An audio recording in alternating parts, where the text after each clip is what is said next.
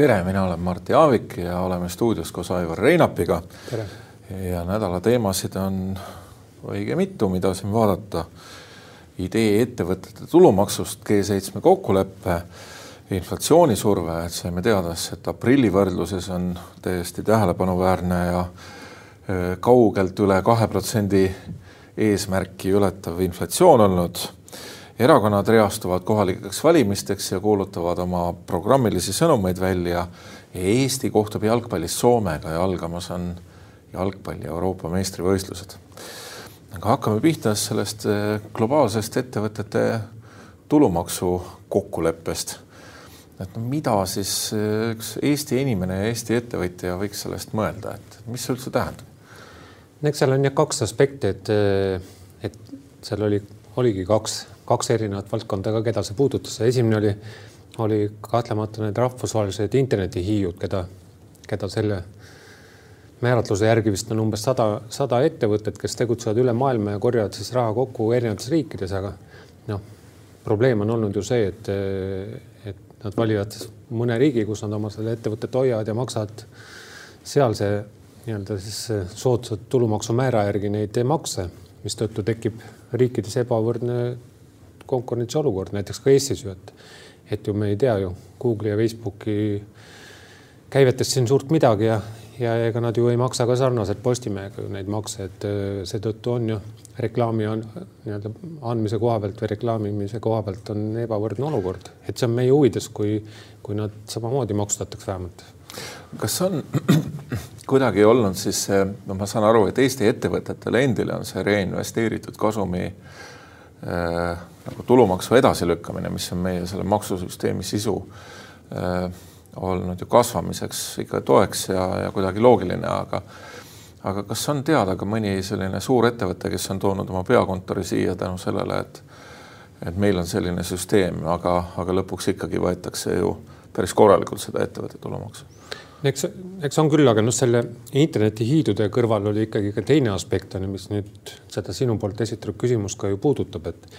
et nüüd ei ole enam juttu ainult internetihiidudest, vaid eh, seal noh, ma ei tahaks nimetada sõna Brežnevi pakika, aga seal nii-öelda selles G7 kokkuleppes siis oli teine pool veel, et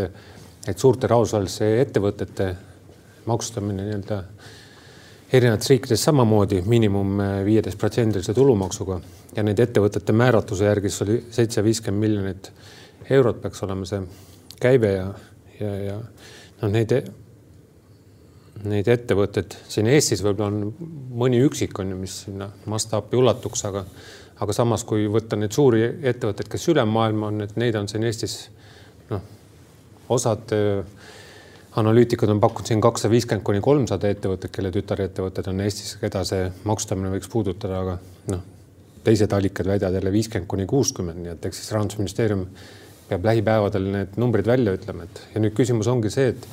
et kui need tütarettevõtted tuleks samamoodi maksustada noh, nagu emaettevõtted, eks kõiki samamoodi viieteist protsendiga, et et kuidas siis see nii-öelda konkurentsiolukord siis oleks, on ju, et et kas siis osad, osas ettevõtted peaks maksustama siis selle viieteist protsendiga on ju, osasi siis, kes, kes ei, on väiksemad ei, ei lähe selle määratluse alla, pääseksid ilma selle maksuta, et et Eesti nüüd siis püüabki saada üleminekuperioodi, et et et näiteks et nelja aasta jooksul või noh, siin nelja kõlas number kümme aastat, mis tundub muidugi arusaamatu on ju, et et kümne aasta jooksul siis peaks vähemalt äh, kasumi välja võtma ja selle maksu ära vähemalt maksma on ju, et aga noh, usutav on, et kui Eesti läheb a la nelja, nelja-aastast üleminekuperioodi või sellist maksustamisperioodi taotlema, et võib-olla siis oleks see mõeldav, et räägitud on ka kahest aastast, et et nüüd küsimus ongi, et kui Eesti nüüd ei, ei maksusta neid neid ettevõtteid ütleb, et meil on, meil on see tulumaks, meil on jah, nii-öelda investeeringute hetkel, kui investeeringut teed, siis ei peaks mak maksma ja kui võtad kasumi välja, et siis sel hetkel maksad, et et kui Eesti nüüd ütleb, et meie ei, ei rakenda seda, on ju, et siis tekib see olukord, kus emaettevõtete riikides võetakse maks meie käivetelt ära, nii et, et teised riigid saaksid nii-öelda tulu nagu meie, meie arvelt, et et ega see siin nii ühepoolne ei ole midagi, et et ärme meie rakenda, et küll see rakendatakse mujal mm.. nii et äh, arvutamist ja nuputamist on siin külla, küll aga ja mitte ainult selleks nädalaks, vaid veel päris pikaks ajaks, et no me ei taha ju kaotada ära oma seda konkurentsieelist, et mida Eesti on kogu aeg nagu. kumba pidi see kasulikum Eestile oleks, eks. just. no aga räägime järgmiseks inflatsioonisurvest, et see on ju ka mingis mõttes ootuspärane, et nüüd on ta kolm koma kuus protsenti. Et fan-, fantasööride juttudes on see oodatud inflatsioon ju palju suurem olnud, aga tuletame meelde, et Euroopa Keskpanga äh, inflatsiooni mandaat on see, et inflatsioon peab olema alla kahe protsendi, siis nad on ise sinna lisanud selle klausli, et aga selle lähedal. ja need olud on olnud ka ju eri, sellised eripärased, et on ju, et see koroonaaeg on paratamatult seda kogu seda noh, majandust ju nii-öelda tasandanud või jäätanud, et et inimesed on ju kodus olnud ja pole ka õieti tarbinud, et seetõttu on ka hinnad, hinnad olnud ju allpool, et et seetõttu, kui nüüd natukene majandused ka avanesid siis selle tõttu ka ju, ju hakkas ka noh, hakkasid ka toorainete hinnad kohe tõusma, et, et kui me vaatame ka neid hinnatõuse, kust need tulid, et siis kütuste pealt juba tuleb üksinda ju kakskümmend protsenti hinnatõusu, nii et, et kes bensiinijaamas on käinud, et nii diisel kui, kui bensiin on ju oluliselt kallimad kui aasta tagasi ja, ja noh, elektriarved veel enam on ju, et elektrid on ka kasvanud siin kakskümmend viis protsenti koguni aastaga, et, et kes on maksnud elektriarvet, no okei okay,, et siin vahepeal on, on ka soojemad ilmad, et sa ei saa nagu sellest lõpptulemusest aru, et kas siis on, maksad rohkem või mitte, aga ühiku hind on, on paratamatult tõusnud ja siin noh, ka kala ja köögivili on oluliselt kasvanud ja muidugi ka haridus- ja lasteasutuste kulud on üle kolmekümne protsendi kasvanud, aga noh, seal tuleb muidugi aru saada, et et aasta tagasi olid ju need kulud ju osaliselt ka külmutatud, et lasteaiatasusid ja asju ju osad omavalitsused täitsa külmutasid ära ja aga kuna see aasta aprillis enam sellist külmutamist ei olnud, et siis selle tõttu ka, ka see kasv on suurem, et, et kes tahab nii-öelda rõõmus, rõõmusõnumit on et no me ei ole küll enam kartulivabariik, aga kartul on vähemalt aastaga siin kakskümmend üks protsenti odavnenud, aga noh, sellest ei ole väga palju abi. jah, kui palju see rõõmusõnum on põllumeestele, et ma olen kuulnud, et kartuli kasvatamine Eestis ei tasu ära, ei tasu ära enam. aga räägime järgmiseks eh, sellest, et on ju vähemalt kolm erakonda sellel nädalavahetusel siis tulnud välja oma eh, deklaratsioonidega selle kohta, et, et missugused on nende kavatsused ja programmid ja, ja muud asjad kohalikeks valimisteks, et kui ma õigesti mäletan, siis on sotsid, EKRE ja ja Reformierakond oma kampaania avapaugu teinud. eks ta omamoodi niisugune põnev on, et eh, mina mõtlen, et iga kord loetakse ajalehtede juhtkirjadest ja mujalt suurte arvamusliidrite poolt erakondadele sõnu peale, et tegelege ikka kohaliku elu küsimustega ja sellega, mida omavalitsuste volikogud tegelikult otsustavad. aga vist ealeski pole olnud niimoodi, et pole selliseid üldpoliitilisi ja kauges kaares üle omavalitsuste otsustamisvaldkonna pea käivaid vaidlusi, mis siis eh, neid valimisi kuidagimoodi kannavad eks parteid on siin mõneti ka natukene kahvlis on ju, et ühest küljest oodatakse, et, et väga põhimõttelisi muutusi Eesti arengu osas siis või mingeid versioone või arengukavasid esitatakse, aga aga paraku valijad ootavad ikkagi selliseid lihtsustatud lähenemisi ja seetõttu ka see nädalavahetus pakkuski meile ju selliseid sümboolseid slogan'id või, või reklaamilaused on ju, mis kõigile peaksid pea ju sisse siis kinni jääma, et et kui Reformierakond siin rääkis paremini hoitud, on ju, noh, et siis saaks äh, erinevates kohtades erinevaid sõnu sinna lõppu panna, kas paremini hoitud Eesti või paremini hoitud Viimsi või, või Tallinn või Tartu on ju, et ma ei oska nüüd öelda, on ju, et, et mismoodi sa seda paremini hoiad, on ju, et, et siin küll on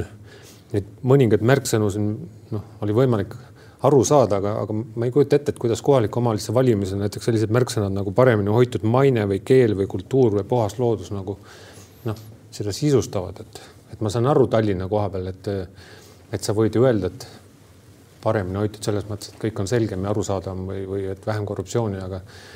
aga noh, siin, siin on meil kõvasti nagu seda sisustamist, et, et EKRE võib-olla tuli nagu sellise huvitavama lähenemisega, kus ta ütleski, et meil on viis tugevust, on ju, ja, ja, ja kui nad neid viite asja nagu raiuvad, siis tunduvad, et, et need on ju kõigile arusaadavad, et eestimeelne, peresõbralik, kohalik elu, demokraatia ja eestlaste jõukus on et viis märksõna, et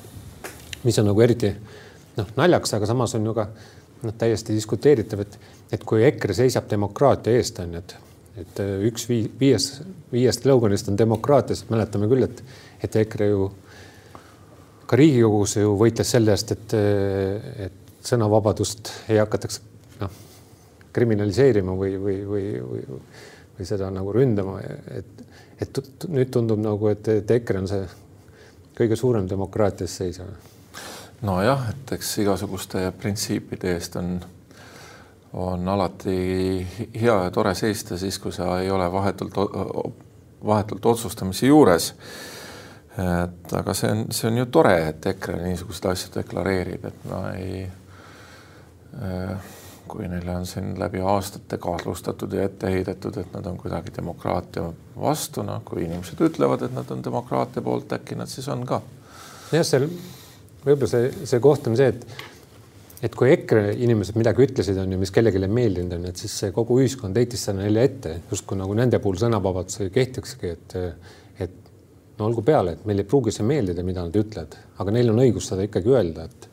aga avalikus ruumis nagu kõlas alati vasta, et see, mida kõike nemad tegid, et see oli sobimatu ja, ja selle tööks üldse suust välja ajadagi. et noh, eks selline kahetine lähtekoht on. nojah, igal juhul on see kõiges selline äh, nagu stardijoontele asumise tegevus, mida erakonnad praegu teevad ja kui sa ütled, et et mingisugused sloganid on välja tulnud ja et, et kuidas neid sisustatakse, noh, see ongi ilmselt siis reklaamibüroode tegevus, mida me oleme praegu näinud. ja sotse nüüd ei maininudki ära, et sotsid olid ka ikkagi olemas, on ju, midagi nad seal ka välja pakkusid, näiteks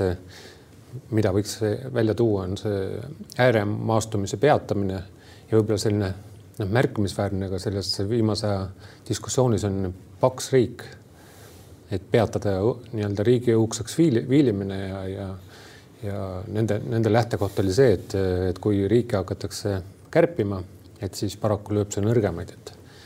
et selle tõttu noh, sotside sellise maailmavaatega sobib see muidugi kokku no loodame jah, aga, aga alati tahaks näha selle paksu riigi eesseisjate juures seda, et oleks, oldaks valmis optimeerima kulusid niimoodi, et tõepoolest läheks sinna, kus on abivajajad ja, ja tegevused oleks sellised, millest lõpuks on aru saada ka, et mingisugune kasu on. et, et väga lõdvaks nende eelarvereeglite ajamine kipub viima sinna, et, et ikka tehakse nagu palju niisugust ebavajalikku jah, see paks riik on selles mõttes ka nagu noh, poolik on ju, et kuni me ei tea, mille arvelt see tuleb, on ju, et milliseid makse ja kui, kui palju siis maksutama hakatakse mingisuguseid erinevaid huvigruppe või inimesi, et et niikaua on väga raske seda nagu sisustada, seda mõtet või mõistet, et, et sa võid ju toetada, muidugi võiks riik olla tugevam ja, ja toetada kõiki väetide õnnetut, aga aga kui see tuleb näiteks mingi majanduse konkurentsivõime arvelt või töökohtade kadumise arvelt, et siis ju tõenäoliselt ju inimesed mõtleksid natukene teistmoodi, et, et selle tõttu ootaks ka, ka seda teist poolt, et mille arvelt siis seda paksu riiki ehitama hakatakse. no nii ta on jah, et loodame, et tulevad sisukad väitlused ja ja et on vähemalt suvi otsa huvitav jälgida, mida siis erakonna, erakonnad ja poliitikud tegelikult välja pakuvad ja kuidas nad ka omavahelistes võitlustes, vaidlustes vastu peavad. aga tulemus on eh, nagu sa eh, elavalt ütlesid siin eh, suur sündmus, nimelt Eesti ja Soome jalgpalli maavõistlus. Soome oli ära, nüüd tuleb Läti. Läti. jah, Eesti võitis Leedut ja Soomet viimati no, nüüd üks-null ja nüüd tuleb nii-öelda Balti matši finaal on ju, kus siis Eesti kohtub Lätiga, et et me pole Balti matši ammu võitnud, nii et äh, neljapäeval on väga põnev olukord, et Eesti on nüüd saanud kaks, ma ei ütle, et hiilgavat, aga ütleme ootamatut võitu on ju, et on, on võidetud siis äh, Leedut, suurt riiki on ju üks-null ja nüüd äh, hiljuti võitsime veel EM-finaalturniirile sõitvat Soomet ka üks-null, et, et Eesti oli täitsa korraliku mängupildiga ja isegi ründav, et, et täitsa üllatav oli näha, et uue, uue peatreeneri all on on Eesti mäng nagu käima saanud ja, ja ei olegi põhjust kogu aeg oodata lõpuvilet, et kas me saame null-nulliga hakkama või mitte, et, et me oleme täitsa nagu võimelised ka väravaid lööma, mis on ka üllatav. no mitte küll palju, aga noh, ühest piisab, kui enda värava. et mis sa ütled siis, kas jalgpall on nüüd jälle selline mäng, mis Eesti inimestele rõõmu toob või ja võidurõõmu ka? kas jääbki nii? ei tahaks, tahaks uskuda, aga ma ei usu. et ikkagi need vastased on muidugi ka nõrgemad, et ega siin noh, olgu peale, et Soome sai tõesti finaalturniirile, võib-olla tuli Eesti suhtes ka sellise väikese nii-öelda, nii-öelda pehmema vaatega, et, et mängime soojaks ennem suurt Euroopa meistrivõistluste finaalturniiri on ju, kuhu Soome üllatuslikult sai. kas sa eile vaatasid ühte teist laadi mängu? jäähokit. jäähokit jah, et ta on natukene üllatav, et suvel mängi, suure suve ajal mängitakse siin samas meie naaberriigis MM-i finaalturniiri. ja mina nii lootsin, et me saame hõigata siin täna hüve Suomi ja muid asju. et muidugi on hüve Suomi, aga kahjuks Kanada võitis ikka sam. samas see tulemus oli mõneti ka ju, ju huvitav on ju, või selline põnev või, või kajastab sellist muud maailmavaadet ka, et, et tuletame meelde, et Kanada alustas ju seda finaalturniiri alagrupis äh, kaotustega ja, ja põhimõtteliselt nad olid ju, olid ju alagrupist välja kukkumas, kui, oleks teised meeskonnad mänginud teistmoodi, nii et nendest ei sõltunud enam edasipääs on ju, et, et nad koba, koba peale said edasi alagrupi, alagrupist edasi. Ja näete, et, et see ei tähenda, et on ju, et kui sa oled kuskilt alguses võib-olla kehva või, või, või, või ei, õnne, ei õnnestu midagi, aga kui sa, kui sa usud ja meeskond mängib kokku rohkem, on ju, et siis on kõik võimalik, et, et ka Kanada, kes oleks võinud sama hästi viimaseks jääda, võitis tegelikult no.. aga kas võib juhtuda, et meie suured sõbrad ja keelesugulased ja põhjanaabrid võidavad Euroopa meistrivõistlused jalkas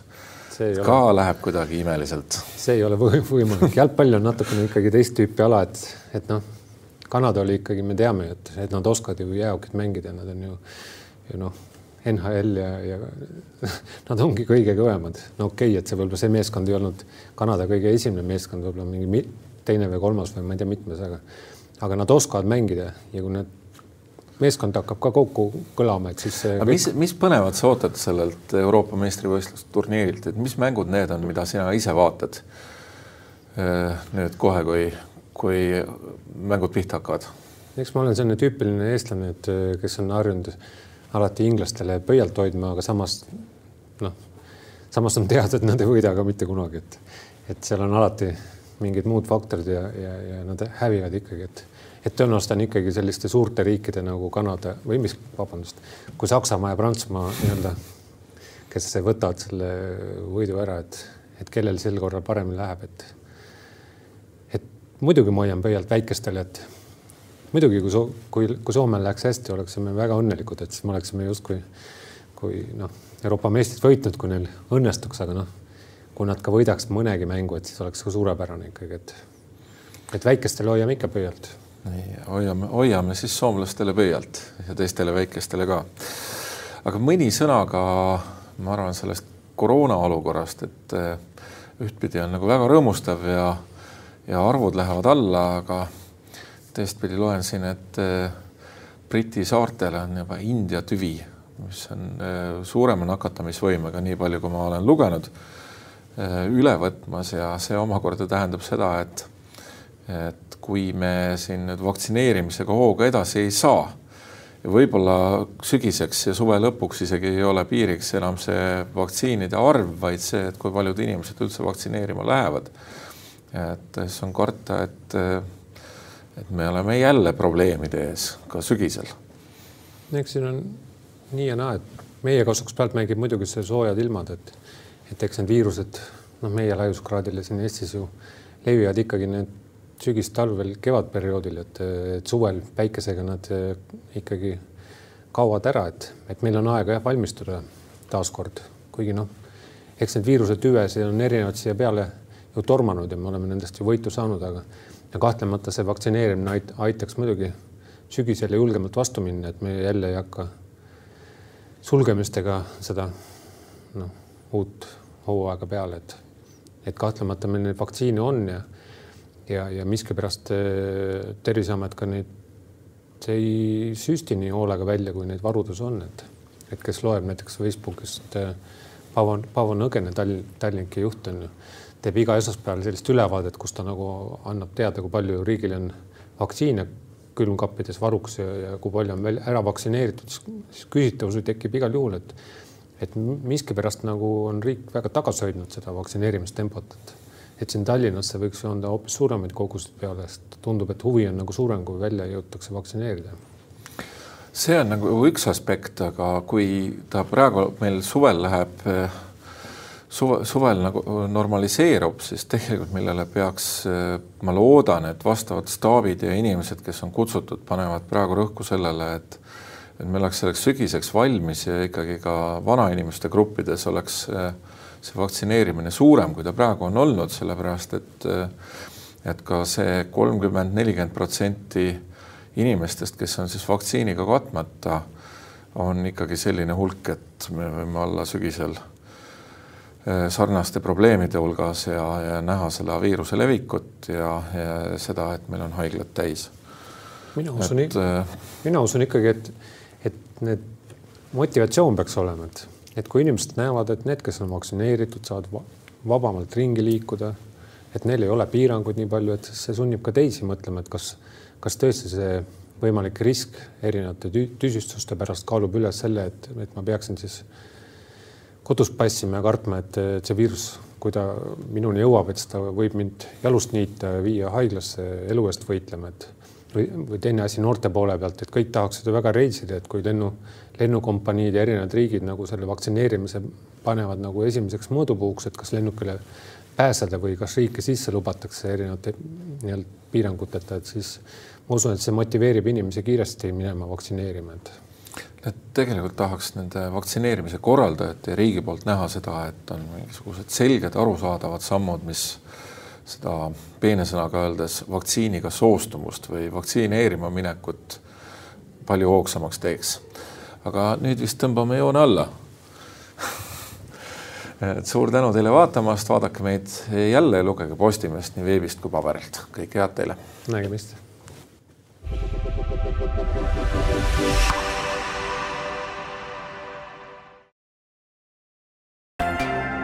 kogu saade on kuulatav Postimehe digipaketi tellijatele veebilehel podcast.postimees.ee